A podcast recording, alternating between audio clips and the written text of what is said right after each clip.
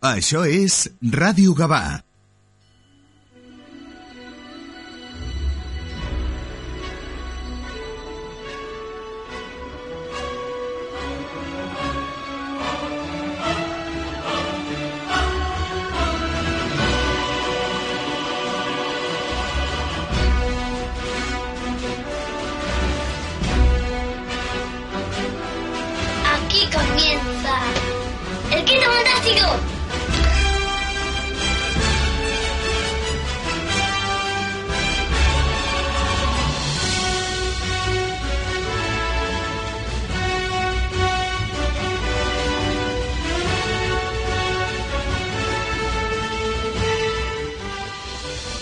8 de la mañana y 46 minutos. Muy buenos días y bienvenidos a una nueva edición del Quinto Fantástico, aquí en Radio Gabá, episodio 6 de la novena temporada. A los mandos de nuestra nave, hoy no es el Enterprise, hoy es el Nautilus. Y viajando por las profundidades marinas, no está el Capitán Nemo capitaneando la nave, sino nuestra piloto, doña Maite Alonso. Maite, muy buenos días.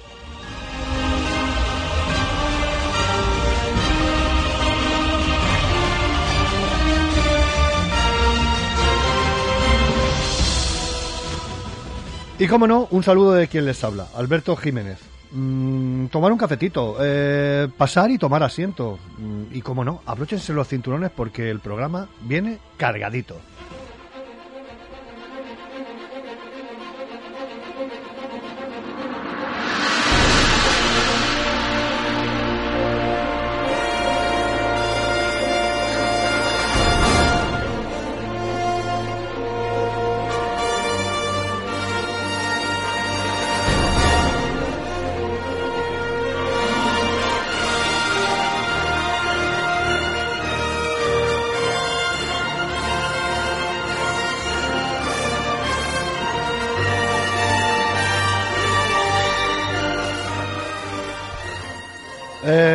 Muy, varia- muy variopinto el de hoy. Vamos a tratar dos temáticas bastante diferentes, que es lo que yo creo que la variedad es lo que hace realmente eh, la la jugosidad del programa, ¿no? De que tengamos ahí dos temas muy distintos y así la gente, eh, los oyentes puede- pueda- puedan disfrutar, vaya. El primero tendremos a, a nuestro amigo y querido Román López Cabrera. Hablaremos de él sobre todo de su, de su último trabajo, que es Miguel Hernández Pie- Piedra Viva, pero también nos contará sus últimas aventuras, que tiene mucho, tiene mucho, y en estos tiempos que, que corren hoy en día eh, es importantísimo tener trabajos y, como el que no para. Yo os recomiendo mucho, sobre todo, eh, seguirlo en seguirlo en tanto en bueno en Facebook está más activo, pero seguirlo en las- tres redes Facebook, eh, Twitter y Instagram. Para después, en, la segun- en el segundo bloque, tendré, hará su bautismo de fuego, aquí eh, en los micrófonos de Radio Gabá, a Manu González. Ya tenía yo muchas ganas. Se nos quedó, mm, nos quedaron algunas cositas con el, con sus, sobre todo sus dos últimos trabajos. Se pasó el tiempo y no, no pudimos hablar con él. Eh, los dos últimos trabajos son Come Comics, un libro sobre los cómics de los 80, otro sobre los cómics de los 90 pero ya con el que nos ha matado y con lo, con lo que lo he disfrutado increíblemente porque nos habla como, como lo veréis sobre todo de las mm, de este fenómeno que se llama steampunk ¿no? Eh, yo creo que muchos sois seguidores sin saberlo, ¿no? Con este con esta determinación y creo que lo vais a disfrutar. Eh, aparte, Manu, eh, tenemos la recomendación de Jaume Vila Rubí, que nos ha dicho que es un tipo estupendo. Eh, lo vamos, yo creo que lo vamos a pasar bien y lo vamos, lo vamos a disfrutar con los dos. Eh, así que, Maite, velocidad de curvatura.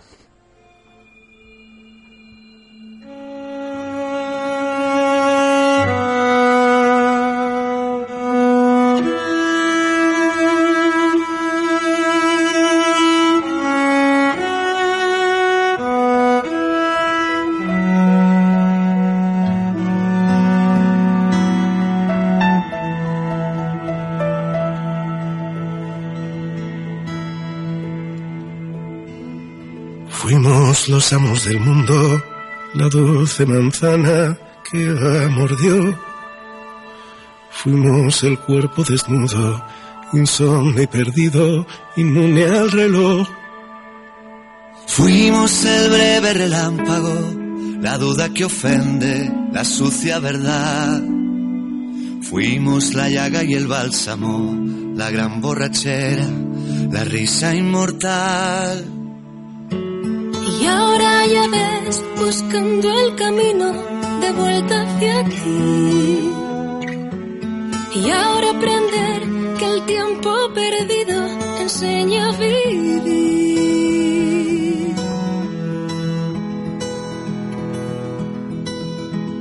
Yo fui el eterno cliente del bar sin ventanas que el sol clausuró. Yo fui el idiota que miente cuando le preguntan si ya te olvidó. Fuimos memoria en la calle. Cada vez que cada vez que leo a Román sus proyectos, sus historias a través de Facebook, Twitter, Instagram, eh, sus lecturas, como no, me hacen creer que todavía hay sensibilidad y el buen hacer en el ser humano. Don Román, muy buenos días y bienvenido una vez más al Quinto Fantástico. Muy buenos días, encantado, ¿qué tal? ¿Cómo estamos, tío? Bien, ¿me, me oyes bien? Sí, yo te- sí, ¿y tú, tú no me ves bien? Sí, sí, es que he puesto manos libres, será por ver si se oía bien o Ah, si lo... pues mira, me dice Maite que si te puedes poner mejor eh, en quitarlo, mejor, ¿verdad? he hecho. Vale, pues estoy. No, ¿Vale? ¿Sí? O- Sí, sí, Vale, perfecto. ¿Y ahora qué tal? Eh, yo te digo bien. Vale, perfecto. Sí, mira, yo te, te oigo ahora mejor, ¿vale? Vale, bien, bien. Bueno, oye, en primer lugar, tengo que felicitarte. Felicitarte por ese premio Adon Adonais de poesía, que ahí has estado finalista en ese, en, en- en- ese codo a codo con varios, con varios artistas ahí a tope, ¿no? Lo, lo hiciste con Arbol, Ac- Arbol Axial, ¿puede ser? Sí, sí. ¿Qué, qué Sí. tal? Que, que te has llevado una buena impresión, porque la- eh, la- lo, has, lo has puesto bastante en redes, te ha llevado un- ahí una grata sorpresa. Hmm.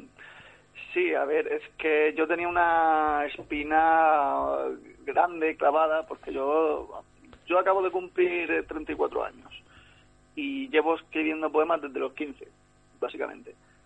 Y a lo mejor me estoy presentando a concursos de poesía, salvo algunos algunos periodos de varios años en que no, pero eh, desde 2007, 2008 me llevo presentando a concursos de poesía, certámenes y demás. Y, y hasta ahora el único que había conseguido ganar fue en 2019, eh, que, pues, que era un, pues, un premio provincial de Aspe, del pueblo al lado del que vivo. Y bueno, es un premio al que le tengo muchísimo cariño por haber roto esa, esa mala racha, eh, pero es que ni siquiera he conseguido volverlo a ganar. O sea, es que mm, pasar de ahí a de repente meterme como finalista en el Adonais, un premio al que además llevo varios años mm, no atreviéndome a presentarme, porque siempre llevo varios años diciendo, este año me presento. Y cuando llega la fecha digo, es que no, es apuntar muy alto. aparte, aparte también yo creo que como mm, habíamos estuvimos hablando el domingo un ratito y tal, eh, yo creo que también la faena te, eh, te, te, te- te mata. Es que bueno, tienes muchas Sí. tienes muchas cositas que, que, que hacer y yo creo que la poesía requiere ese no sé, ese sentimiento, ese, ese estar en ese momento dulce, no lo sé, ¿eh? ojo, no he escrito en mi vida un poema. Sí, además eh, también me va cambiando la forma de trabajar con los años. Yo cuando cuando era adolescente, toda la- todo el periodo de la universidad y demás, que prácticamente lo único que hacía era escribir poesía, eh, lo llevaba como a modo de diario. Podía escribir un poema eh, pues, mientras mis amigos estaban de fiesta, yo en el bar, eh, o en el tren, en cualquier sitio. Y, y ahora, por ejemplo, estoy eh, este año que, que he estado viajando bastante pre- presentando el de, el de Miguel Hernández y demás, eh, llego al hotel y digo, llego, llego al hotel con la intención de decir, bueno, venga, voy a escribir un poema ahora aquí en Madrid, por ejemplo, o en donde esté, voy a relajarme y, y soy soy incapaz, vengo con el ajetreo, vengo con- no, no consigo mm, terminar de centrarme, no sé, ahora ahora soy mucho más exquisito para, para eso. Luego me pongo mm, y en un día escribo cuatro o cinco poemas, a lo mejor, pero porque los tres primeros no me gustan. Bueno, oye, la calidad está para eso, ¿no? Para, para No, pulir y demás, ¿no? Sí, sí, claro. Oye, quiero preguntarte por un par de... Bueno, mm, antes de entrar un poquito con, con Miguel Hernández Piedra Viva, me gustaría comentarte un par de cositas, ¿no? Que a mí, a ver, yo algún, algún día que vengas, cuando vengas al, Salón del Cómic aquí de Barcelona, me gustaría traerte, traerte a Gabá para que veas que, aunque somos una ciudad, pero sigue, seguimos siendo con esa esencia de pueblo, ¿no? Y, mm. sobre todo a mí me gustan mucho los cómics de, de, de, esas barriadas, de esas, de esas, de esas ciudades satélites, ¿no? Mm. Y yo creo, tengo unas ganas tremendas de, de hacerme con él, que ya me has dicho que es difícil, pero de hacerme con él con Vallecas, los años de barro, ¿no? Eh, sí, eh, espero que puedas que puedas conseguirlo. Segura, a ver, podrás, podrás. Lo que pasa que cada vez es más complicado porque, según tengo entendido, la segunda edición está oficialmente creo que está agotada. Más allá de que queden ejemplares residuales en, en, librerías o, o demás, yo creo que creo que sí, creo que sí que alguno podrás conseguir, aunque sea por internet o, pero bueno, para, para meternos un poquito en, para que sobre todo los oyentes eh, vean un poco eh, Vallecas los años de barro, ¿qué, ¿qué, nos puede, ¿qué nos puede decir? Tú has estado ahí en el dibujo, bueno, en el guion estuvo el padre de Ismael Serrano, que has tenido una relación ahí con él increíble y, disfrutando por lo que pudimos hablar. Eh, ¿Qué nos podemos encontrar ahí con el, con el Vallecas los años de barro? Bueno, Vallecas, eh, Los años de barro es un, cómic en el que yo creo que Rodolfo se ha podido ir desahogando de, una quitando de encima una mochila que, tenía de, recuerdos y de deudas, yo creo que personales, de em, con, la memoria en general, porque eh, bueno, es una historia que no conoce mucha gente. Yo desde luego no tenía ni idea de, ese barrio hecho de, de chabolas y, bueno, pues habla, son, son como pequeñas historias que, se van contando a través del personaje que es que se llama Carlos y es una especie de trasunto de Rodolfo y de varios personajes más, ¿no? Es como lo que hice con, con Memoria de una guitarra, crear un personaje para poder aglutinar dentro de ella, dentro de ese, de, ese personaje a, a, distintos a distintas personas reales o atribuirle las anécdotas de distintas personas, ¿no? Eh, y no ser estrictamente un, cómic autobiográfico, sino, sino un cómic que se basa en, experiencias reales para contar, un, contar una historia. En este caso son una suerte de relatos, está dividido en capítulos y, y cada uno pues bueno, va contando una historia sobre sobre eso, sobre ese, ese barrio y cómo se fue construyendo y cómo era la gente de, allí, la solidaridad entre, entre vecinos y, y, demás. Bueno, y todo con el nexo del, del personaje que es el que va un poco, siempre está un poco en medio y va contando contando su, su experiencia, ¿no? Oye, qué, sorpresa me he llevado, no lo sabía. Bueno, en este mundo ahora de, de editoriales, por aquí y por allá, me, me, lleva una sorpresa que Ismael Serrano tiene una, una, bueno, tiene una editorial pequeñita, ahí con sus cositas, como me habías comentado. Oye, siempre, ¿no? Y bueno, es el primer cómic, ¿no? Que, edita. Sí, tenían un, un cuento ilustrado. Eh, y, este ha sido el, el, primero que se han lanzado a, a publicar y bueno, eh, sé que, que, tenían miedo de cómo funcionara porque era el primer cómic que sacaban, eh, no sabía muy bien cómo, cómo iba a ir, cómo lo iba a coger la, la clientela, bueno, la clientela no, el, público de la editorial. Eh, también, pues eso, estaba el temor de que fuera una historia muy localista, que solo interesase a la gente de Vallecas y, y poco más y la sorpresa fue, ha sido que en mes y medio ya me estaban diciendo de que había que preparar la segunda edición, o sea que y bueno y la segunda y la segunda ya está agotada en unos meses, así que, creo que, que ha funcionado muy bien. La editorial de eh, a, día de hoy creo que se dedica sobre todo a, a poesía, tiene algún creo que tiene algo de teatro, y alguno, algún que otro libro de, ensayo o de textos políticos. Por ejemplo, tiene uno de, textos políticos de, de Antonio Machado. eh, tiene po- algún poemario de Pablo Guerrero, de Rodolfo, de Ismael, claro. Y bueno, por eso por esa línea van de momento. Fenomenal. Oye, una cosa, no sé si nos podrás decir algo de, sobre todo de este, de este cómic que, mm, que bueno, que has hecho la presentación, como me comentaste, eh, hay que arreglar lo de, lo de Dinamarca, eh, con Cascaborra y, Cascaborra, ¿verdad? Que lo, lo- lo estás haciendo.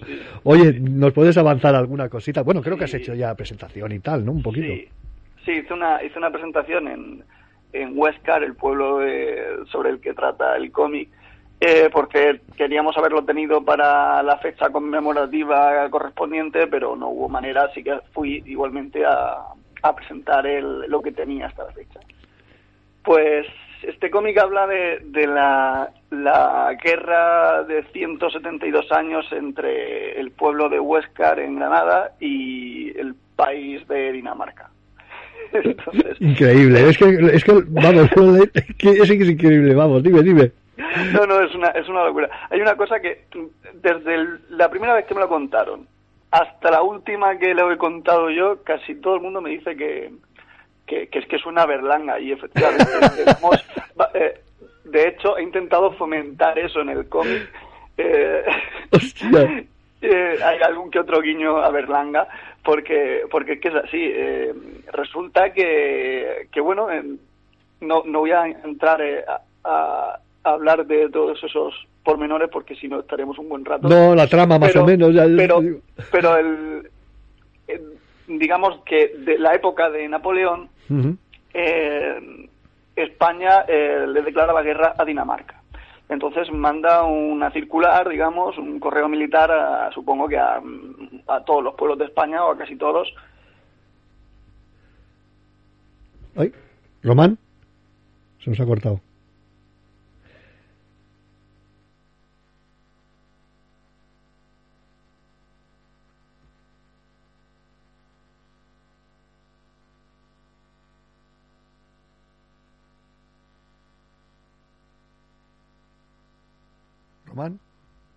Perdona, no me estaba No. hablando solo. no, te, te has quedado ahí con la declaración de la guerra, de- declaración, declaración de la guerra de España a Dinamarca. Pues eh, es, eh, de, España manda manda una circular o bueno, un correo militar a, supongo que a todos los pueblos de España y lo recibe lo recibe Huescar eh, pues, en 1809 y dice pues claro que sí hombre Vamos. Y, pone, ponen un bando un bando eh, para que lo vea todo el pueblo anunciando de la guerra contra Dinamarca y de que Huescar pues vamos asume esa esa guerra como propia y que hay que combatir a cualquier danés allá donde lo encuentren. Eh, eso se queda así en la anécdota hasta que eh, Vicente González Barberán, el archivero de- del pueblo, eh, delegado cultural de Granada, en, en en 1981, Ujú. pues, investigando en el archivo de- del pueblo, se, se topa con, con este bando. Y por más que investiga, no encuentra el bando en que se hace eco de la, en que se haga eco de la, del fin de la guerra. Ujú. Entonces, claro, eh, lo mejor del cómic, bueno, el cómic prácticamente empieza a partir de aquí, que es lo que a mí me interesaba. El hombre escribe un, un, un artículo en una revista local, eh, pues, con mucho cachondeo, diciendo, pues esto, ¿no? que, que hay que, que se llamaba así el, el, el artículo, hay que arreglar lo de, lo de Dinamarca. Y, y nada, hablando de esto, ¿no? De, de- de a ver qué se hacía ahora, si se había que sacrificar un carnero para...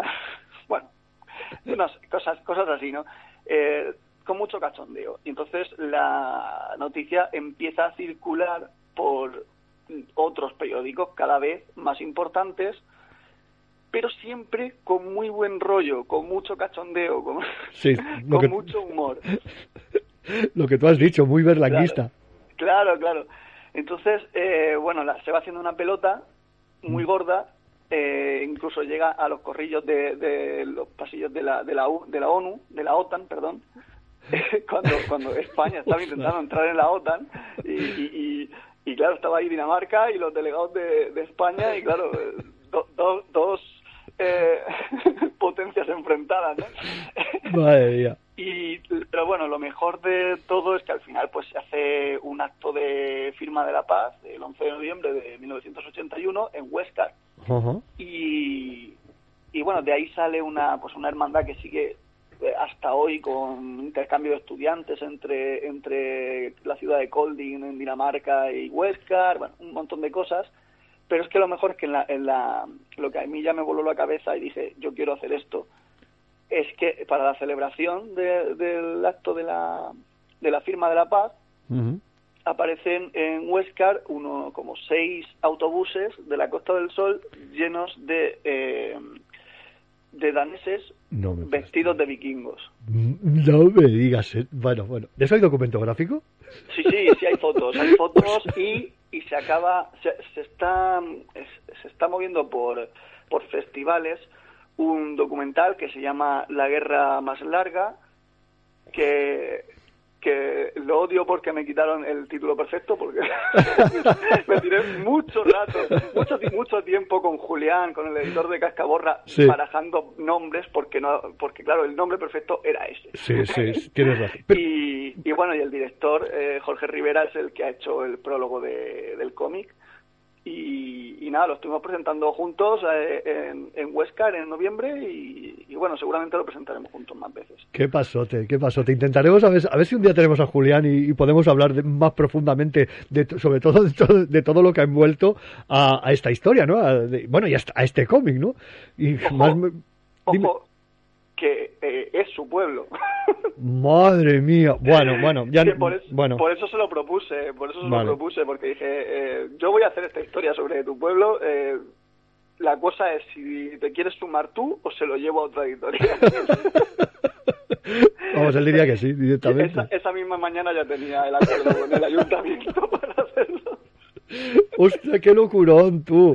Pero, pero berlanguiano total y absoluto. Eso, eso bueno, es, es un guion suyo, tú, Y me he directamente. guardado, y me he guardado, y me he guardado anécdotas. Uy. es, es, es una locura. Llamamos un día Julián, ya te digo, estamos en- en- vamos, entráis los dos en antena y hablamos un, un ratito. Oye, me gustaría también, antes de entrar un poquito en Miguel Hernández, me gustaría preguntarte de, de esta no- de tu novela de, te- de terror, Cala Mm. Pobre, ¿no? Mm, Oye, mm, a ver, por, eh, no la he leído, pero lo poquito, un dibujante vuelve a casa de su abuela, ahí un Ajá. poquito. Yo creo que eh, tiene todos los ingredientes de, de una novela, buena novela de terror. Pues espero que sí. Eh, mira, te te aprovecho para comentarte que este hace unos meses, un pocos meses, terminé el- la segunda novela, que va, no es una segunda parte, pero digamos que va en el mismo espíritu y tiene, y tiene cosas en común, algunos nombres y tal, que se llama uh. Nevada Onda, y estoy eh, empezando ahora a enviarlo a editoriales. Pero esta primera, Cala Pobre, la, la, la autoedité por Amazon, como casi todos mis libros de poesía. Y esto nace eh, de una obsesión, porque yo llevaba pues bastantes años, 7 o 8 años tranquilamente soñando cada mes prácticamente con, con, la casa de mi abuela a la que yo iba los veranos. Siempre iba una o dos semanas en los veranos y era una casa muy vieja, que, se caía pedazos, eh, en un pueblo de playa, pero al que, a la, bueno, odiaba ir a la playa, eso, yo solo quería estar en la casa y hacer mis cosas y dibujar y demás y me encantaba esa casa incluso seguíamos yendo después de que de que no estuvieran mis abuelos. Y, y, y me encantaba, me encantaba esa casa, no sé, no sé por qué, no sé qué tenía, ni siquiera hasta el último año no, no hice amigos allí, o sea, ni siquiera, es que simplemente me gustaba ir allí. Bueno, pues soñaba cada cierto tiempo con, con la casa, con que entraba, rebuscaba en los cajones y encontraba cosas que había dejado allí perdidas o no sé, cualquier cosa. Y, entonces llevaba, llevaba años pensando en hacer algo con, con todo eso. En un principio pensaba, eh, bueno, por, por la estructura de la casa y todo eso, pensé que lo mejor era una historia de terror. Y en un principio pues pensé hacer un cómic que era lo que, lo que yo hacía, ¿no? Y, y además así podría dibujar la casa y todo eso. Pero llegó un momento en que me empezó a picar el gusanillo de escribir en novela y, y barajando ideas, al final pensé que la que más se prestaba era eso, era esa. Lo que pasa que solo tenía mm, el concepto de volver a casa, a la casa de la abuela y, y- y que salgan fantasmas o pasen cosas ahí, ¿no? Sí. Y bueno, estuve mucho tiempo dando vueltas hasta que conseguí armar una, una serie de, de eventos y de cosas que entrelazar. Y al final, pues decidí escribir sobre lo que sabía, Eh, ya que era la primera novela, el- la primera intentona y, y no sabía cómo iba a salir, pues decidí escribir sobre lo que sabía. El personaje es un dibujante de cómics y, y vuelve a la casa de su abuela, que es lo que yo No, quería buen, hacer, ¿no? buen guion, desde luego, que, que lo es. Que lo es. Y, y bueno, eh, no sé, eh, la- verdad es que hay un poco de todo, hay algo de thriller, hay asesinatos sin resolver, hay, drama, hay, sobre todo es es un es, por ejemplo el personaje se encuentra con gente de con amigas de, de, de cuando veraneaba allí entonces vamos pasando de, de historias en distintos años de cuando él era adolescente iba a los veranos a- allí a, a modo de flashback y, vamos pasando entre eso y, y la historia en el, en, el, en el tiempo actual, ¿no? Y cómo todo eso, pues a veces se va entrelazando y, y demás. No sé, yo estoy sorprendido porque es una novela de casi 500 páginas y de momento la gente que lo ha leído siempre me han dicho que, que se lee muy rápido, que es muy amena. Eh, ya hay por lo menos dos personas que me han dicho que se lo han leído en dos días, lo cual no sé si es un halago o, o me cabrea, porque tirarte X meses trabajando en una novela de 500 páginas para que alguien se la lea en dos días, no, no terminas de saber si es bueno o Hombre, yo malo. creo, yo creo que sí, yo creo que sí. No sé, eh, es el ansia de decir, de decir, hostia, ¿qué pasa? ¿Qué ocurre? Tal, los acontecimientos, no sé. Lo que sí que tengo que decir para ver- terminar de venderla, intentar venderla bien, eh, es, yo intenté, empecé el, el- escribí el primer capítulo, que es simplemente una introducción de una página y media, y lo dejé, porque simplemente necesitaba empezarla. Y seguí porque estaba trabajando eh, en, eh, en Memoria de una guitarra, creo que sí. Y entonces cuando terminé Memoria de una guitarra ya empecé a, a- a escribir la novela. Lo que pasó en, en ese tiempo es que yo me leí It y, y Reina Roja. Ya había leído algunos de Stephen King, pero leyendo It, que es el libro que yo diría que más del que más bebe cada pobre, eh, y Reina Roja, por ejemplo, pero bueno, sobre todo It, porque me di cuenta de que un libro de mil y pico páginas a alguien a quien le cuesta tanto leer como a mí mm, eh, no se le hizo- no se me hizo pesado ni se me ni tardé una eternidad.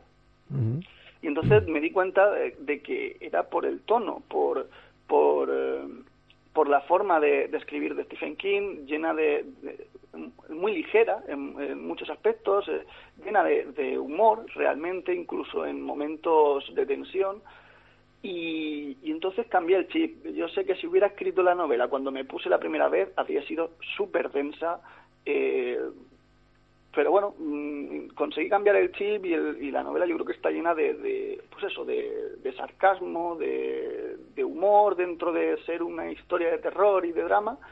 Eh, y creo que eso pues le ha beneficiado mucho y Nevada Onda va en esa, en esa línea. Un poco menos, porque toca temas a veces mucho más dramáticos en los que, que se prestan menos a ello, pero, pero sí que he intentado que todo esté cubierto de una capa de, de quitarle dramatismo en cierto aspecto. Hay que beber, hay que beber de los grandes. Hay que y nada, si alguien, si alguien quiere la novela, solo está en Amazon porque está publicada está publicada por Amazon y o, o bueno o escribirme a mí y yo se la se la hago llegar y bueno poco más Pues ahora nos liamos co- con, Miguel. Vamos a liarnos con Miguel Hernández Piedra Viva. venga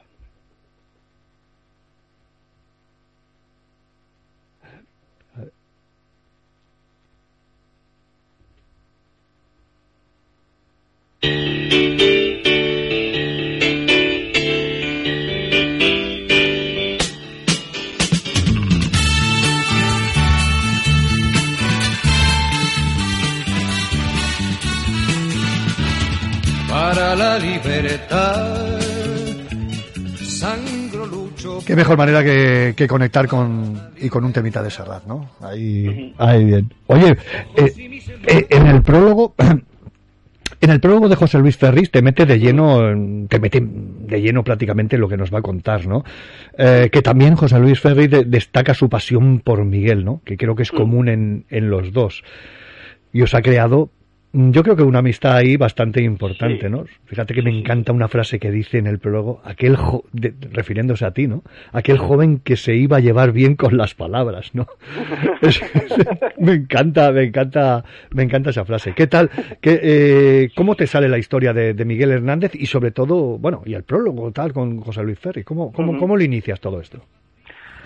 El, el cómic nace, bueno, siempre cuento lo mismo. Yo que soy fanático de Miguel Hernández desde los 15 años o así.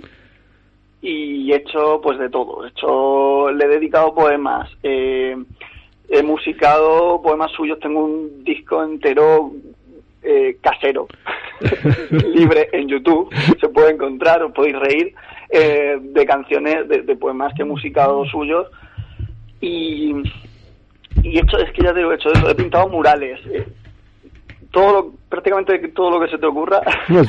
y de hecho llevo varios años que un par de, veces al año como mínimo canto en algún homenaje a Miguel. Eh, siempre estoy, pues eso, intentando reivindicar su figura. Y ya en 2013, cuando yo estaba empezando, era de hecho era mi tercera obra. Eh, eh, hice un cómic sobre Miguel Hernández, pero que no era una biografía, era una especie de, no sé, de puesta a punto, eran, eran historias cortas de gente anónima, contemporánea, digamos, del momento en que estábamos, que en algún momento de su vida, por lo que sea, entra en contacto o congenia con, con un poema de Miguel y entonces íbamos a modo de flashback en un par de páginas o tres eh, a contar ese momento de la vida de Miguel en que escribe ese poema o al que hace referencia en el poema. Es, fue un cómic que sacó la Concejalía de Cultura del Ayuntamiento de Orihuela y que, bueno, no tuvo tampoco muchísima difusión y además coincidió con, con la salida del cómic de, de, Ramón Boldú, Ramón Pereira, de, sobre Miguel Hernández, que sacaba en ese momento editores de TV, luego los reeditó Astiberri, eh, al final, pues entre la, la, poca distribución que tenía, que era un cómic que salía con, con, un ayuntamiento, y, que justo en ese momento también salía otro con mayor difusión, pues claro, no tuvo no tuvo mucho mucha repercusión, pero dentro de ciertos círculos sí que la tuvo. Hasta hasta varios años después todavía me seguían llamando para ir a hablar del cómic, algún, a algún evento, alguna cosa así. Eh, creo que entre la gente que lo leyó hubo, no sé, le cogieron bastante cariño. Sí, yo, he cogido, yo te digo, lo tengo hace bastantes meses y me ha llegado bastante al alma, ¿no? Sobre no, no, no, pero no este, no este. Ah, perdona, perdona. No, no, digo, digo el otro. El otro se llamó eh, Miguel Hernández La Fontana Eterna. Vale, vale. que ya es mucho más, mucho más fino, mucho más inexperto y tal. La cuestión es que mm, eh, Julián, el editor de Cascaborra, se enteró de que yo tenía ese cómic y que además tenía los derechos para poder reeditarlo. De hecho, me había pasado varios años intentando reeditarlo. Y, y bueno, me, ofreció, bueno, me dijo que se lo pasara para ver si, si lo reeditaba y demás, porque iba a inaugurar una, una colección de biografías. Claro, yo en su momento estaba a punto de sacar Memoria de una guitarra y no me apetecía tener al mismo tiempo memoria de una guitarra en las estanterías y, este cómic que había hecho al principio de mi carrera. Que además ni siquiera corrigiendo algunas cosas eh, estaba salvable, porque bueno, había, había cosas que directamente eh, eran propias del momento en que se hicieron eh, o estaban ancladas en un momento concreto y, y no, no, no quería reeditar eso, pero le dije, a ver, si no me compras a mí este cómic, vas a, a sacar un cómic sobre Miguel Hernández. Y me dijo que, que sí, que lo tenía pensado. Y yo, bueno, pues entonces te lo tengo que hacer yo. Mm, digo, sé que suena presuntuoso, pero pero yo llevo estudiando a Miguel Hernández desde los 15 años, me he leído biografías, eh, me he leído toda su poesía, eh, que, lo tengo que hacer yo, para que lo haga otro, que venga de encargo, que a lo mejor lo conozca solo de pasada y no, digo, mira, porque luego voy a leerlo, me voy a cabrear, por muy bien que esté, por muy bien que esté, claro, yo voy a saber cosas que que no, que Miguel no era así, Miguel no diría eso, Miguel no no reaccionaría así y yo y me voy a cabrear, digo. así que mira, te lo hago yo. Y el cómic fue creciendo incluso, porque fueron, eran 60 páginas supuestamente y se han ido a ciento y pico. sí, lo tengo aquí delante. Bueno, con los extras así un poquito de, de las notas mm. que ofrece, se va a ciento, 115 prácticamente. Se va a 115. Oye, ¿tan influyente fue la figura de Ramón Sige en Miguel Hernández? Eh, pues, bueno, te, respondo primero a lo de, a lo de Ay, Perdona, perdona. Que Dime, dime. acordar. No, eh, a ver, yo a Ferris lo admiro mucho. Eh, mm, de hecho, la biografía de Miguel, que me la leí pues, en 2007 o así, por, por gusto, antes de, antes de ponerme a, investigar para ningún cómic ni nada, eh, probablemente fuera de los primeros libros medianamente largos que conseguí leerme en mi vida. y, y, bueno, él me presentó en mi primer, mi primer libro de poemas lo presenté en la Casa Museo de Miguel Hernández con él y yo estaba, bueno, eh, flipando de poder eh, tener ese momento, ¿no? Y con el tiempo hemos ido acercándonos más y, tener, bueno, yo diría que, que, una amistad y hemos colaborado ya varias cosas, varias veces. Me ha hecho algún prólogo de otro poemario. hemos, hemos hecho un montón de cosas ya a lo tonto y claro, él tenía que estar en el, en el cómic, no solo él, sino, sino los, los que hacen los epílogos también. Yo eh, pasaba que, que era un este cómic yo creo que va a ser lo más extenso que haga en mi vida ya sobre Miguel Hernández porque dudo que me vuelva a meter otra vez en otra fase de documentación tan larga y en hacer algo tan tan complejo. Así que era una suerte de despedida en cierto modo aunque siga pues eso actuando en homenajes o haciendo cosas eh, y quería hacerlo por todo lo alto y, quería despedirme con pues, pues, con amigos que había hecho en estos años hernandianos como son José Luis Ferris, eh, Aitor Larravide, que es el presidente de la Fundación Miguel Hernández de Orihuela, o, José Carlos Rovira, que, que, es uno de los históricos estudiosos de, de Miguel. Y, bueno, la verdad es que he tenido la suerte de que me dejaran, de que todo el mundo accediera y de que me dejaran meter tres textos ahí eh, y poder despedirme a mi manera. Eh, En, en, cuanto a lo de Sige, sí. pues voy a ser polémico. Sí.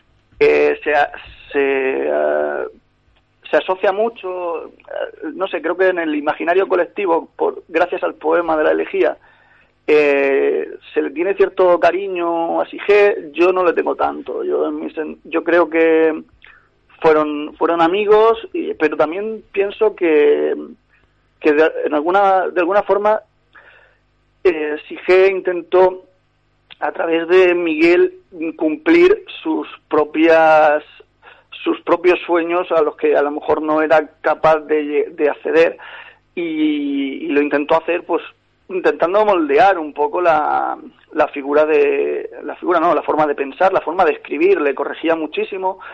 Y Miguel en aquella época primera pues estaba muy influido por el por el catolicismo el nacionalcatolicismo el este, este ambiente de de a ver bueno reaccionario de, de la de la orihuela caciquil del momento de eclesiástica y con, con visos de la falange por ahí también metida, guiños medio falangistas. Miguel siempre habló, por ejemplo, del campesino, de, de, los obreros y tal, pero, pero en esos primeros poemas, por ejemplo, tenían un cariz más, mm, más reaccionario, eh, centrado más en Dios que en la labor del campesino, bueno, todo ese tipo de cosas.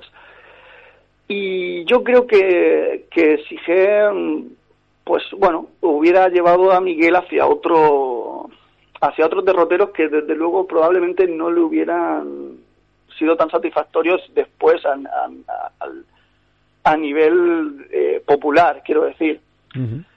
Y desde luego, por ejemplo, yo no, tendría a día de hoy mucho interés en Miguel Hernández. Si hubiera seguido por esa línea, te lo puedo, te lo puedo asegurar, más allá de que fuera un excelente poeta, porque su primer poema, su primer poemario, eh, Perito en Lunas, que por cierto se llama Perito en Lunas por culpa de Sige, porque se iba a llamar Poliedros, hasta ahí llega, llega la influencia de Sige, eh, pues es un, es un libro eh, increíble sobre el que los expertos todavía siguen intentando desentrañar los, las metáforas escondidas y, demás.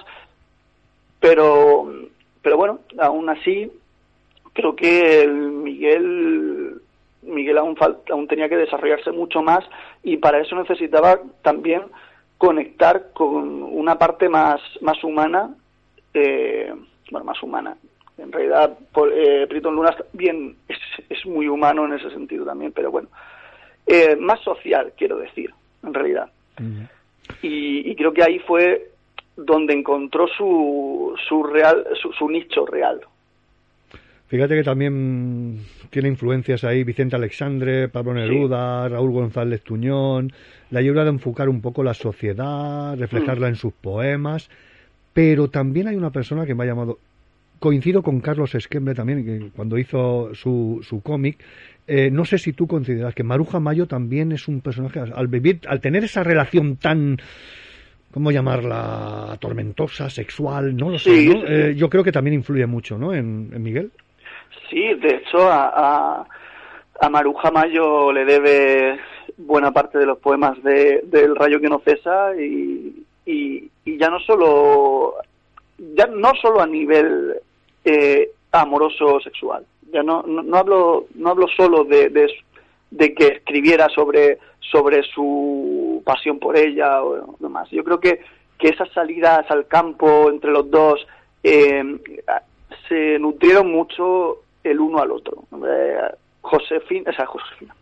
Eh, Maruja Mayo veía, veía en Miguel un, un personaje muy no sé, muy, muy de, pueblo, muy, muy de la huerta y, y, la gente de, de, la escuela de Vallecas a la que pertenecía eran, eran, bueno, eran amantes de ese tipo de cosas, del arte, del arte, perdón, eh, no me sale no me sale la palabra.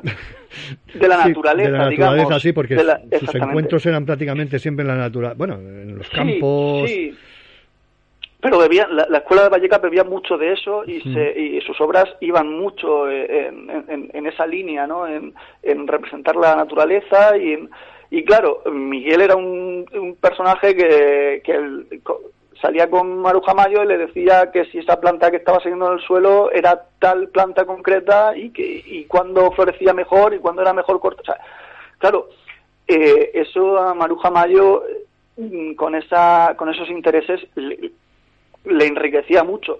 Y, y, entiendo que al revés también porque porque supongo que, que Miguel en, Maruja encontraba un poco las dos cosas la cosmopolita de ciudad que le descubre cosas nuevas y también alguien que también está interesado en la naturaleza y que también entiende eh, ciertas cosas como como él. Supongo que eran cosas de las que no podría hablar con otros eh, compañeros de, del, de la élite de señoritos seguramente ya lo creo. Eh, Román, eh, es un placer. Te, emplazo para, para, hablar de lo que hay que hablar con Dinamarca y a ver si podemos hablar, conseguir a, a, a, Julián también que, que, esté aquí con nosotros y, y poder hablar y extendernos un, un, un poquito más. Eh, yo solamente, bueno, primero felicitarte las Navidades, que las pases en compañía de tu familia, de tu pareja, de todo. Y te tengo y te tengo que dar un te tengo que dar unas gracias, ¿no? Por haberme descubierto más siempre tenía lo que hablábamos, de, tenía de Ismael Serrano el kilómetro cero, el papá cuéntame otra vez y tal. Haberme descubierto todavía más, eh, hablando contigo, eh, estando en Facebook, en, en Twitter, de haber descubierto más a la figura de, Ismael Serrano. Te tengo que dar las gracias a mis Ismael es una eh, eh, eh, es una caña. Solo conseguirlo en Twitter ya Sí, sí, yo, no, no. yo no me meto mucho en Twitter. Yo a mí no me, no me apasiona Twitter. Pero casi siempre que me meto es porque me sale algún aviso de que Ismael Serrano ha, ha tuiteado no sé qué. Y me meto y la verdad es que es, es una caña. Sobre todo a mí me hace mucha gracia cuando cuando gente que le sigue por canciones de amor y demás va a un concierto suyo y se da cuenta de que es un cantautor político también Sí. y, y entonces le- y, se ponen ahí a recriminarle es que yo he venido a escuchar tus canciones no a hacer un no a escuchar un meeting político digo bueno pues entonces no has escuchado mis canciones Digo que- me parece me parece increíble que a día de hoy todavía todavía haya gente que Siempre hay de todo. Claro es que no no Pues nada, oye, un abrazo y sobre todo feliz Navidad, que tengas una muy buena entrada de año y que podamos que podamos escucharnos, que podamos vernos y oye, feliz Navidad, simplemente eso, Román. Y que sigas Igualmente. y que sigas como sí, como como siempre. Muchísima- muchísimas muchas gracias. gracias. Yo he jurado no volver jamás ante el mar, apurando los veranos. Yo he soñado con ser vendaval y cerrar nuestra oficina de un portazo. Yo grité tu nombre al borde del abismo y he rezado para un Dios en el que nunca he creído. Yo fui el tipo que abrazaba tu espejismo y el demonio que arrancó las dos alas a Cupido. He tenido ganas de escapar. ¿Qué tal se encuentra? Esos hombres no han tenido ni una oportunidad. Todos eran marineros, lo mismo que yo, y han sido asesinados por ese monstruo con el que usted intenta entablar amistad. Ned, cállate.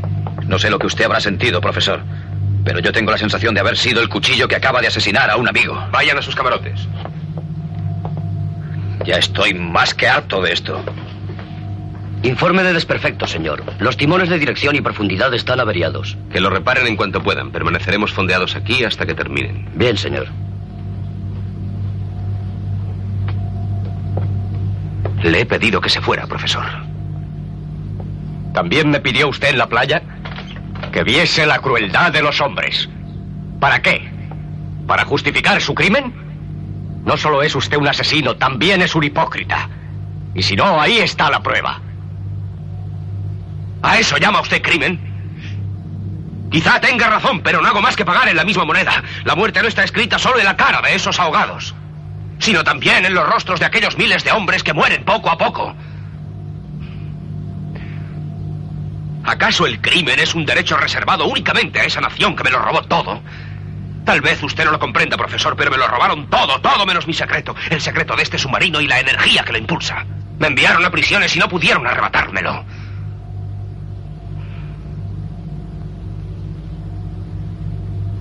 Y al fracasar, torturaron a mi mujer y a mi hijo hasta dejarlos sin vida.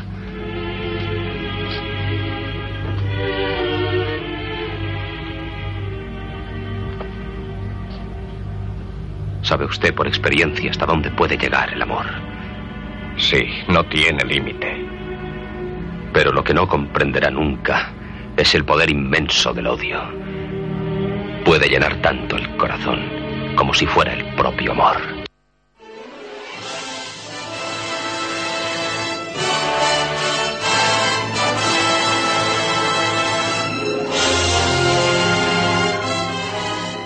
Bajo esta sintonía de 20.000 leguas de viaje submarino, hoy hace su bautismo de fuego aquí en el Quinto Fantástico. Escritor, hombre de radio, experto en cómics. Eh, si me pongo a decir todo lo que ha hecho, nos llega a las 10 de la mañana y no podemos hablar prácticamente con él. Don Manu González, muy buenos días y bienvenido al Quinto Fantástico de Radio Gabá. Buenos días, ¿cómo estáis? ¿Cómo estamos, Manu? Bien, muy bien.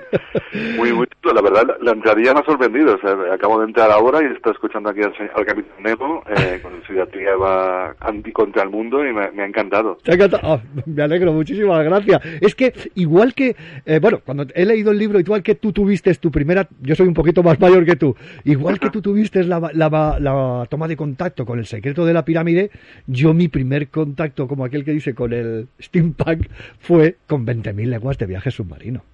Sí, sí, la verdad es que la verdad es que yo también vi antes en Tenite de Viajes Submarino. El problema es que a lo mejor era más pequeño y no apreciaba tantos esos detalles de, de un mundo extraño, de un mundo extraño, pero también que está situado en el pasado. O sea, es, esa mezcla de, de conceptos de ciencia ficción, pero futurista, antigua, o sea, vetusta. Hostia, qué bueno. Oye, permíteme que, permíteme simplemente eh, empezar un poco por el final, ¿no? Es que me llama muchísimo la atención. Eh, en primer lugar, que, creo que tenemos algo en común, que raíces extremeñas. Tu bisabuelo era de Don Benito. Sí, de Don Benito. Mi bisabuelo era, era, era, era trabajaba en el ferrocarril de Don Benito. Era Manuel, de hecho Manuel, yo llamo Manuel por él, o sea, porque mi abuela le puso el nombre de su, de su padre a mi padre, y entonces me, que mi padre me puso su nombre, no me puso el nombre de su abuelo, me puso su nombre. y de hecho nos llamamos los tres Manuel, mi bisabuelo, mi padre y yo nos llamamos Manuel, era de Don Benito, y trabajaba en un ferrocarril, y trabajaba en un ferrocarril en la, eh, claro, en, lo que es lo más steampunk del mundo. Una máquina de vapor que lleva gente de un lado a otro. Y hay una cosa que me contó mi tía, que yo no sabía y me pareció súper muy muy adecuado con el tono del libro que estaba escribiendo, que era que mi abuela cuando era pequeñita tenía tenía asma. Y se ve que los, los, los conductores, los que eran los, los, los maquinistas del, del ferrocarril le decían, ponga a la niña aquí que le tengo un chorro de vapor y se le quitará el asma. Y fue así. ¡Ostras! Los, los, los, remedios caseros. caseros Exacto. Oye, Pero remedios de, steam, remedios de vapor. Sí, sí. No, es que mis padres, mi padre, eh, mi padre es de Orellana la Vieja. No sé si has pasado por allí alguna vez. Al lado Yo la verdad es que nunca he pisado Extremadura. Hostia, eh, bueno. Mi pues padre nunca me ha llevado. Pues hay que ir, tío. Hay que ir. Tengo que ir, sí. es, una, es, una, es una cosa que tengo pendiente desde hace mucho tiempo. Eh, eh, permíteme también empezar un poquito, sobre todo por, esos trabajos. El Quinto Fantástico es un programa de cómics y me gustaría, me gustaría, ¿cómo te sale la historia esta de, de los cómics de los 80? Parece que todo, todo el mundo siempre hace obras de, oye, la edad de oro de los cómics, los 30, los 40 y tal, todo lo que ocurrió allí, pero tú te dedicas a la época, a la, a la década de los 80, que yo creo que hubo un antes y un después, como muy, muy bien has reflejado. Sí, sí, sí, la verdad. A ver, los 80 es más que nada porque la época en la cual me crié leyendo cómics. Ya tiene cierto componente eh, nostálgico, hay que decirlo. O sea, eh, normalmente cuando escribes estos libros, cuando dices cómics 80, cómics 90, que es el siguiente que escribí, siempre eh, intentas darle un tono nostálgico también para que la gente, la gente también se sienta identificada con esos libros. Pero sí que es cierto que cuando, en los 80, cuando yo empezaba a leer cómics, eh, había una mezcla muy poderosa de lo que sería el cómic underground y el cómic mainstream. Y como el cómic mainstream se fue, cuando hablamos de cómic mainstream, hablamos desde, mm, desde, desde los cómics de Marvel, pasando por los cómics franceses que fueron los más vendidos de la época, por ejemplo, como el Incal, de Jodorowsky y Moebius. Eh, pero que eran cómics que se habían eh, criado o que se habían tomado influencias de lo que era la contracultura de los 70 y de los 60, finales de los 60 y todos los 70. O sea, la época, desde la época hippie, la época de mayo del 68, pasando por, la, por, la, por, el, principio del punk. Y, y, claro, todos estos cómics cogieron todas esas, esas influencias eh, contraculturales y las convirtieron en mainstream. ¿Sabes? Normalmente cuando el mainstream, cuando llega, o sea, pero son todas las culturas, también hablamos, también hablamos de música pop, de cómic o de literatura o de cine, podemos hablarlo. Pero normalmente tiene una época de, de contracultura, de, de, de germen, de, de creación, de, de, de, muchas ideas nuevas y después es, es, esas ideas nuevas van incorporando lo que sería a, lo que sería lo normal, la normalidad mainstream de, de, de, ventas para todo el mundo, ¿sabes? Y eso fue lo que pasó con el cómic. Por ejemplo, eh, mucha gente de, de, Marvel empezó a experimentar con el formato de novela gráfica, En España mucha gente eh, ya directamente ya eran contracultura porque venían del Makoki. En Francia la gente de, de los humanoides de, de, la, de la revista Metal Julan, donde estaba Moebius, donde estaba Philippe Touillet, toda esta gente que venía de mayo 68, luego se convirtieron en, en, los grandes vend, vendedores de cómics de, la década de los 80 y en Japón también. En Japón lo que hubo más fue una, una, una, una, una explosión del shonen, lo que es el cómic eh, juvenil sobre todo por cómics como Bola de Drag, por ejemplo, bueno, en, Dragon Ball. Y claro, ves todo eso, que los 80 en muchos países se van, van creciendo, van, van, van, van, van creando esa, esa, esa, esos cómics también que son, que, son considerados eh, algunos de los mejores de la época, de, la, de toda la historia. Y claro, eh, claro, es que realmente desde un punto de vista a ver, si podemos decir, la mejor época fue los años 30 cuando se crearon los superhéroes, los años 60 cuando Marvel, eh, pero a nivel mundial yo creo que fueron los 80. Sí, ese cambio, ese cambio que vimos en según los que, como bien dices tú, en esa época leíamos los superhéroes como en Daredevil, el cambio aquel, el Bolagen, el, el, el, regreso del Caballero Oscuro, en fin, todos estas... por ejemplo, eh, Sí, ahí está, ahí está. Sí. Oye, eh, para las nuevas generaciones. Bueno, yo creo que la habrás explicado un montón de veces, ¿no? Te, vi la, he visto en YouTube la presentación, la presentación que tuviste ahí en Gigamés y tal. Eh, pero para las nuevas generaciones, algunos que pueden que pueden quedar por ahí, ¿qué es el steampunk? Uf. A ver, en, en pocas palabras. En pocas palabras, o sea, ya lo decíamos en la presentación. Por eso te digo. Steampunk, decimos, o sea, en realidad steampunk es retrofuturismo decimonónico. Ya está. Es eh, mm, historias basadas en, en, un, en, sobre todo en un pasado que nunca existe, un pasado eh, adelantado científicamente, eh, lo que se llamaría una cronía. Una cronía es como un salto tempo, es como un salto de una ciudad paralela a otra, o sea, hay un momento en que en que cambia la historia y se convierte en una cronía, en un mundo paralelo. Pues eso sería el steampunk. Pero claro, la gente se, se explicas eso y se queda con cara de ¿cómo? ¿Qué me estás contando? Claro, entonces tenemos que decir, mira, steampunk es toda la ciencia especulativa de los, del siglo, o sea, es gente ahora, actualmente, o a partir de los años 80, eh, emulando la ciencia especulativa de, de, la, del, de la ciencia ficción de principios del siglo, de, de, finales del siglo XIX, principios del siglo XX. Estamos hablando de gente muy fan de H.G. Wells, muy fan de Julio Verne, que hacen historias eh, situadas en ese pasado. En ese pasado. Eso empezó así, claro. El steampunk empezó así. El problema es que el steampunk, bueno, el no, la suerte que tenemos es que el steampunk eh, creció, como todos los estilos, es un estilo que, nació a, a mediados siglo, de, los años 80. Es un estilo de ciencia ficción que va, va, va siguiendo y de pronto lo que es la parte más teórica del pasado desaparece y solamente nos quedamos con la estética. Esa estética de... Eh, de, esa estética decimonónica de señoras del siglo XIX con los corsés por fuera, mm, esa estética de armas imposibles hechas de vapor, de, dirigibles que, y, llevan, ciudades de un lado a otro, eh, y esa estética ya te la puedes llevar a otros mundos, no solamente en la Tierra, como si fuera una Star Wars steampunk, o te lo puedes llevar incluso a un futuro posapocalíptico, que eso también se hace mucho. Con lo cual, eh, al final el steampunk, mm, aunque empezó siendo una cosa muy, muy, muy, muy de nicho, se convirtió en una estética y se ha ido creciendo y lo puedes aplicar a cualquier punto de la ciencia ficción realmente. Muy de nicho, me encanta eso. Ah, bueno, sí, claro, porque es una cosa muy pequeña, está basado en eso. Vale, vale, vale.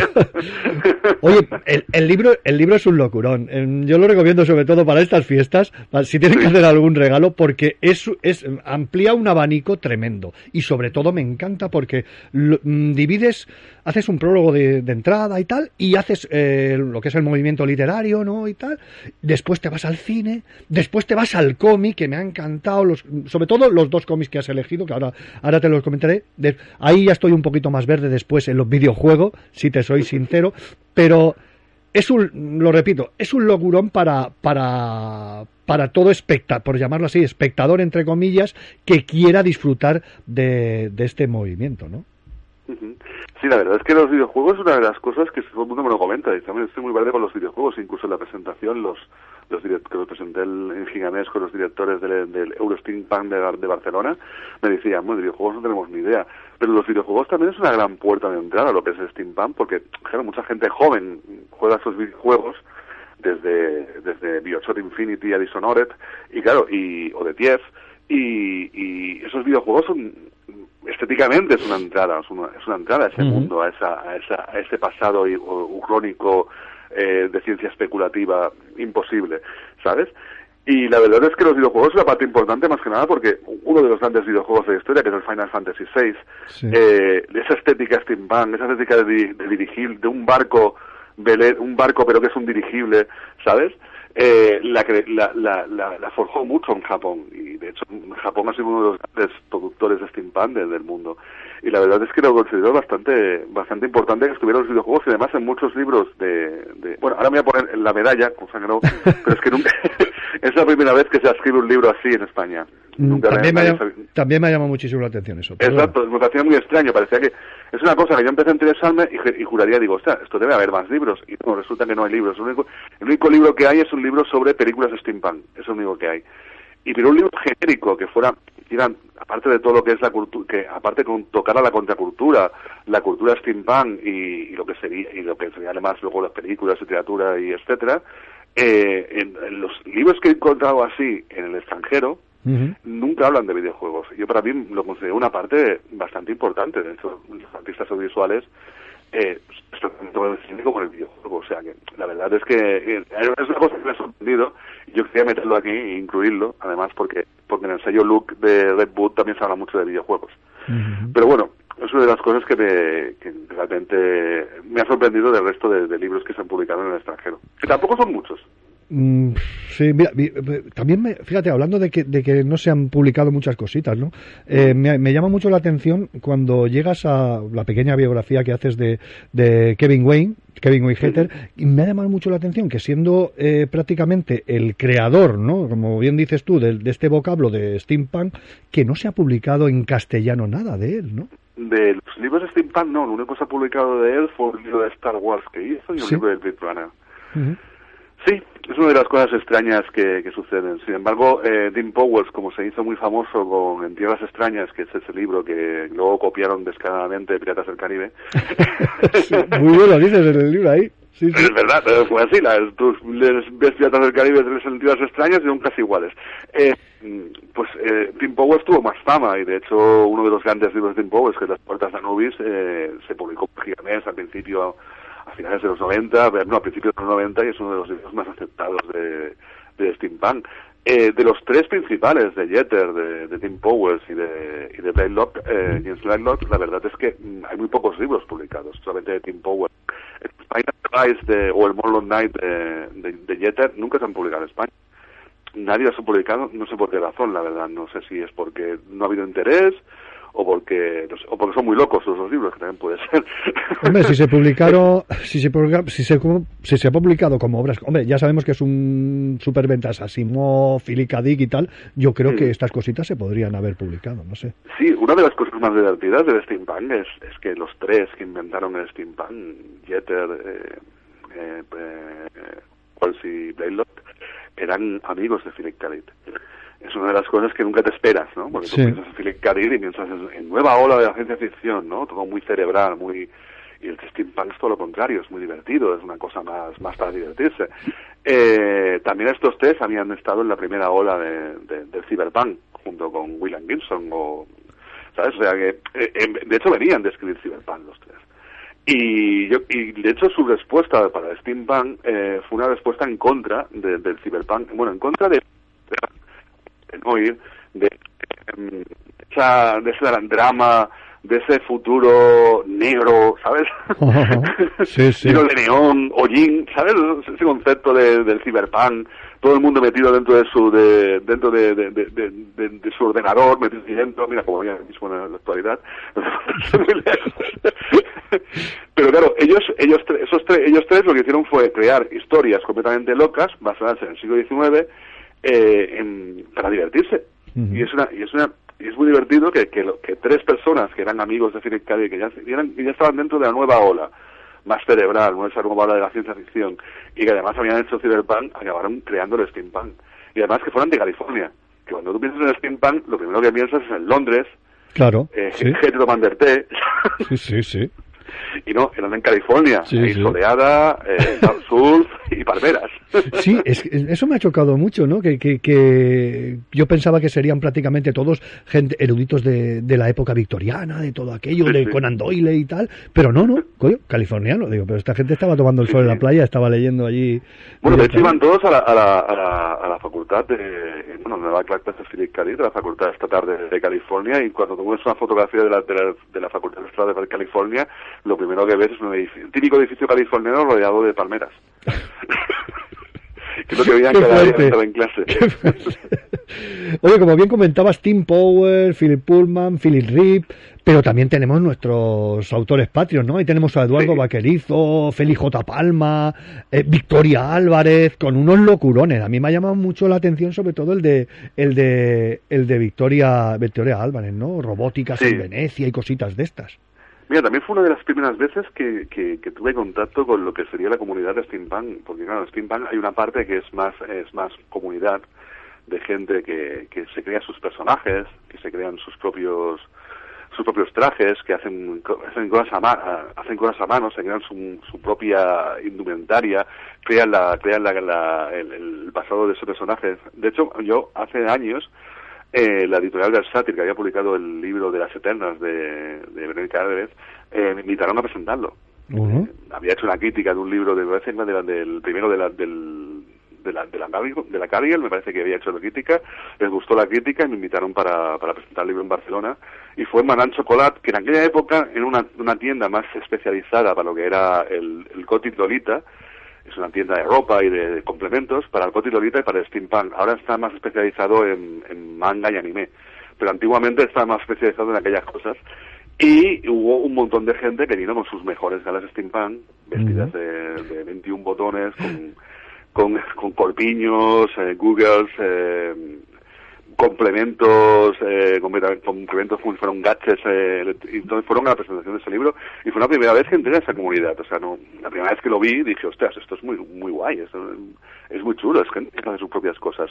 Luego cuando investigué para el libro, investi- y, y claro, me encontré con cosas como, como que como que hay manifiestos, ha habido manifiestos sobre lo que es el steampunk y cómo realmente entroca con ese complemento de contracultura de gente en contra un poco de, la, de las grandes de las tecnologías actuales e intentar recuperar un poco el, el facto de hacer las cosas a mano como antiguamente. es Sí, un poco también eh, claro ese punto contra- contracultural también me gusta mucho del steampunk no solamente lo que es la estética que llega al final o la literatura que, que empieza por, por donde empieza sino también como ha conquistado el corazón de la gente un poco de una manera muy punk que se vino del steampunk pues de una manera muy punk la verdad Sí, sí, todo. Hay que reivindicar, has hablado ahora un poco de, de- de la manera de vestir, de los complementos y todo eso. Hay que reivindicar para el Salón del Cómic de Barcelona, habría que reivindicar un cosplay de esto, de steampunk. Es que se bueno, de hecho, de hecho la, la, la, la, la Vani, Vani Miranda, que es la directora de Steampunk Barcelona, que se celebra, se celebró a principios de octubre en la Nou Bostit de Barcelona, eh, comentaba que ya la primera vez ella, ella iba siempre vestido de manera decimonónica, iba a la recreación histórica lo que hacía ella. Y la primera vez que vio, vio un steampunk eh, fue, fue en el, en el, del Cómic de Barcelona. Ah.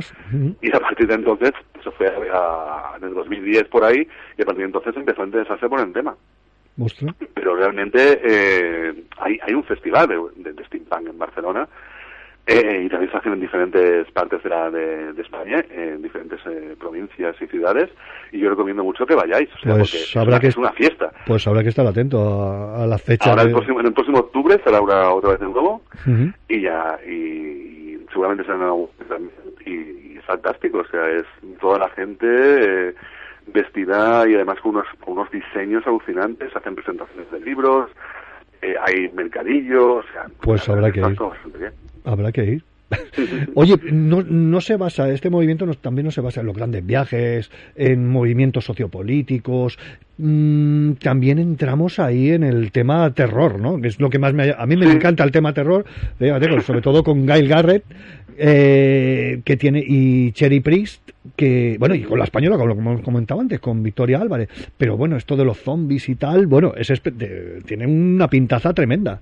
Hombre, ten en cuenta que la primera obra de ciencia ficción es casi casi una de las primeras obras de terror, que es Frankenstein de. Ujú.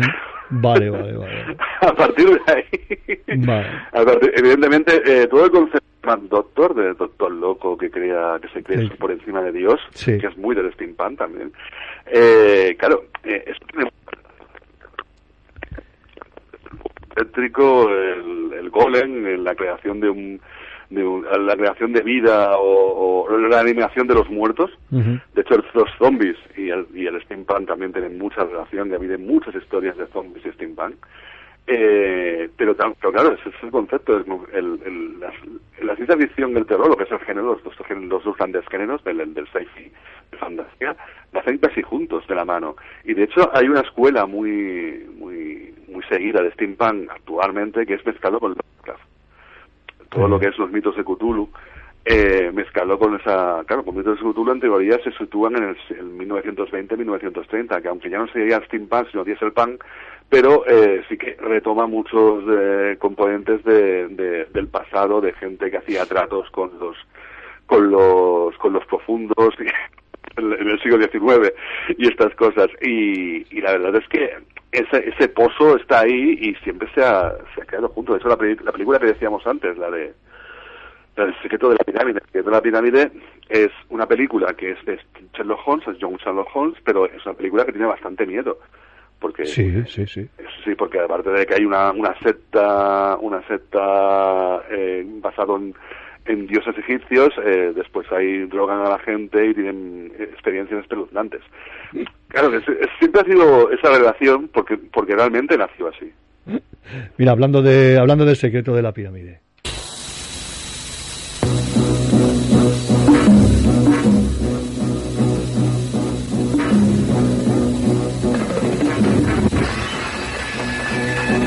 Te lo suplico, abre una investigación. ¿Basada en qué? ¿En tu imaginación?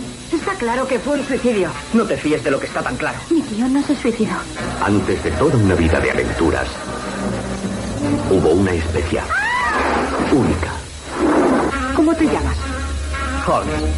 Sherlock Holmes. Era una chica. Me impactó mucho cuando, cuando te estaba leyendo y, y me dijiste, y bueno, y lees que el secreto de la pirámide es el es tu, tu película como aquel fe- tu inicio, ¿no? En, en este Mm. movimiento.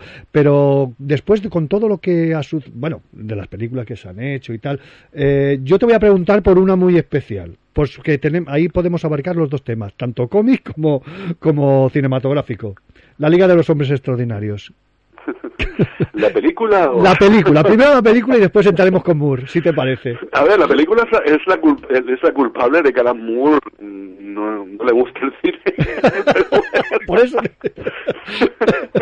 De hecho, hice un artículo en la, en la página web de Sales de Peligro sobre ese concepto y cómo, y cómo Alan Moore terminó a- aberrando del mundo del cine por culpa de la producción de Super Extraordinarios.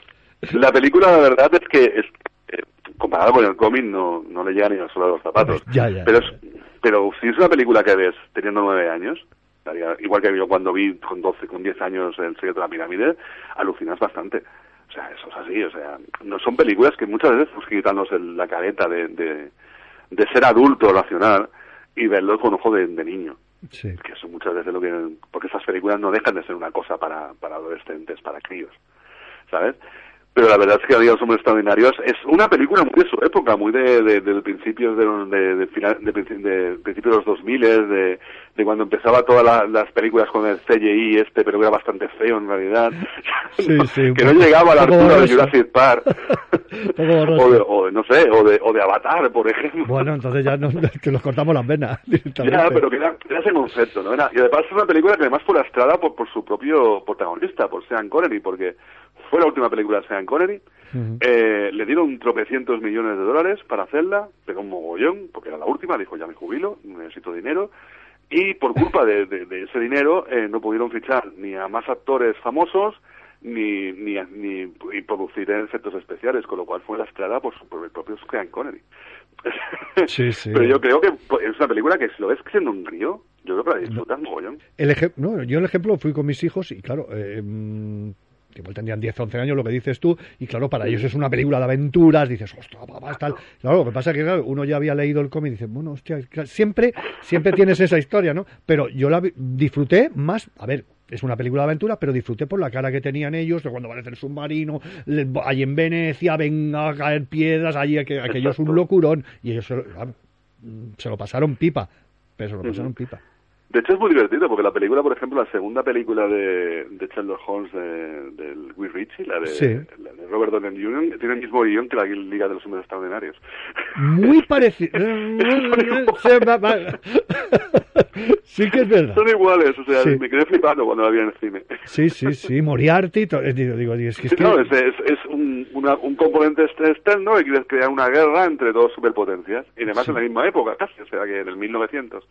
Sí, ahí Guy Ritchie no, no, no estuvo muy fino. de- en el A mí soy muy fan de las películas de Sherlock Holmes y me parecen muy Wow. steampunk las dos, muy, el... Y la verdad que a la vez que las dan por la televisión me quedo enganchado allí viéndolas, no, no, Sí. puedo, no, no puedo despegar el dedo de- del mando de distancia. No, asesinato por decreto, cositas así de esta que Sí, quiero que la menciones. Asesinato por decreto también es muy, es muy chula, es, Es- una película. De hecho, el otro día vi la primera, el primer, la primera, la película que fue el primer enfrentamiento entre Sherlock Holmes y el Destripador, que es no es asesinato por decreto, sino un estudio en terror, que es del año 65. Ujú. Y es mucho mejor asesinato por decreto, pero ya, ya empezaba esa época de mezclar diferentes personajes deci- decimonónicos, como Jack the Ripper, Sherlock Holmes, y meterlos juntos en, en- como hace Alan Moore en la Liga de los Hombres Extraordinarios. También Eh, hay que decirlo, la Liga de los Hombres Extraordinarios es una buena entrada, la película, para que la- los chavales lean a Ay, sí, sí, Jekyll y Mr. Hyde, lean. Drácula, lean, eh, yo qué sé, eh, El hombre invisible de H.G. Wells, ¿sabes? Es una buena entrada también eso. Sí, sí. que, hay- que se hay- interesen por esos personajes de la ciencia ficción de los años del siglo XIX. yo creo que ahí el cine nos tiene que dar, tiene que dar esa puerta, ¿no? De, de Sí. decir, oye, me oye, este personaje, ¿de dónde viene? Es, es, es genial, ¿no? En ese, en ese aspecto. Pues lo que hace Moore, Alan Moore hace, cojo todos esos personajes, pero ya están inventados, cogerlos vosotros. Alan Moore, por ejemplo, hace los de la Liga de los Hombres Extraordinarios, hace un, hace un experimento muy steampunk, que es realmente voy a coger cosas y me voy a divertir con ellas.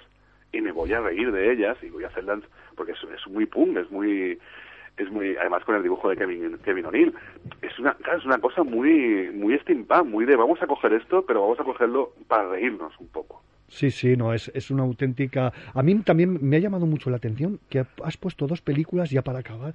Eh, el ilusionista y el truco final. Eh, bueno, están en la época esta victoriana y tal, pero, pero no, no, no, no, no lo acabo de ver. Pero bueno, eh, tú eres ¿Se el experto. Eh, sí, sí, dime, dime. A ver, el truco final es realmente steampunk. Porque el truco final, y ahora, spoilers, queridos oyentes, pero vamos a, tenemos que decir unos spoilers, eh, el truco final es un invento imposible de Nicolás Tesla que nunca existió. Es muy steampunk eso. Sí, sí, sí, que es verdad. La ilusionista, la cosa que tiene es que los trucos que hace son muy, muy, muy alucinantes. Y son muy visuales del steampunk, además sobre el mito de... Además toca también una parte que es la... que también se toca mucho en el steampunk, que es la parte de, de la pasión que tenían los decimonónicos por todo lo que tenía que ver con el espiritismo. Y eso también lo toca mucho. Pero lo que es, lo que no me acaba de convencer del ilusionista, que sí que sí, que sí, lo- es que nunca explican cómo hacer esos trucos que es una de las cosas que deberían explicar en una película de magos. Sí. ¿sabes? O sea, ¿Cómo hacen el truco? El ilusionista se está mal por el, está más por el drama o por el gambito que hacen, eh, porque hacen un hacen una hacen un, un truco final, porque hacen un truco final que tiene que ver más con, con los personajes, con las cosas que los instrumentos que utilizan. Pero eh, la verdad es que es que tiene, tiene cosas alucinantes, como en medio de un teatro, proyecciones como fantasmas andando por entre medio del público, que es alucinante. Es muy steampunk eso, la verdad. Es muy una cosa como una tecnología que realmente no te la esperas al principio del siglo XIX. Del siglo XX, perdón, porque es el 1910, creo, por ahí. Por eso las puse, más que nada. Muy bien, muy bien. No, es que yo me quedé un poquito de, de aquella manera.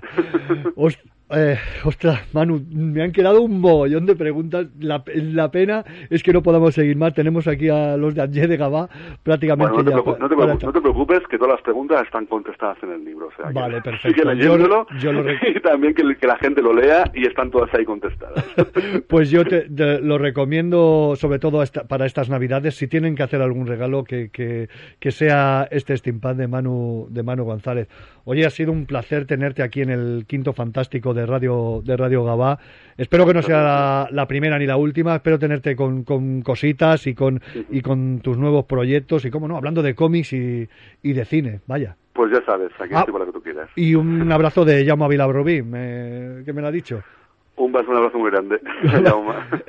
Oye, pues muchísimas gracias y muchas gracias y feliz Navidad y, y sobre todo muy que tengan evidentemente. Feliz Ahora sí Navidad. que estamos en tiempo de... de- Ahora ya no de steampunk, pero sí en tiempo de Mr. Scrooge. Manu, una hemorragia de satisfacción tenerte tenerte aquí. Muchísimas gracias. Venga, muchas gracias. Hasta luego. Hasta luego.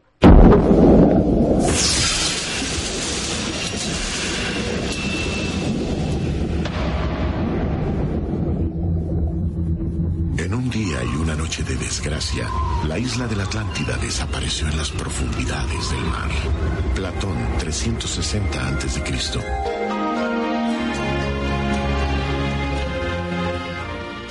Bueno, y nos despedimos. Vamos a ver si podemos hacer algún especial de cara a Navidad. Intentaremos hacerlo, a ver si entre una cosa y otra podemos tener eh, algunas cositas. Eh, amigos, amigas, queréis leer un como por la radio. Feliz Navidad, feliz entrada de año y ya sabéis, regalar cómics es cultura. Gracias. El próximo programa, amiguitos, y no olviden supervitaminarse y mineralizarse.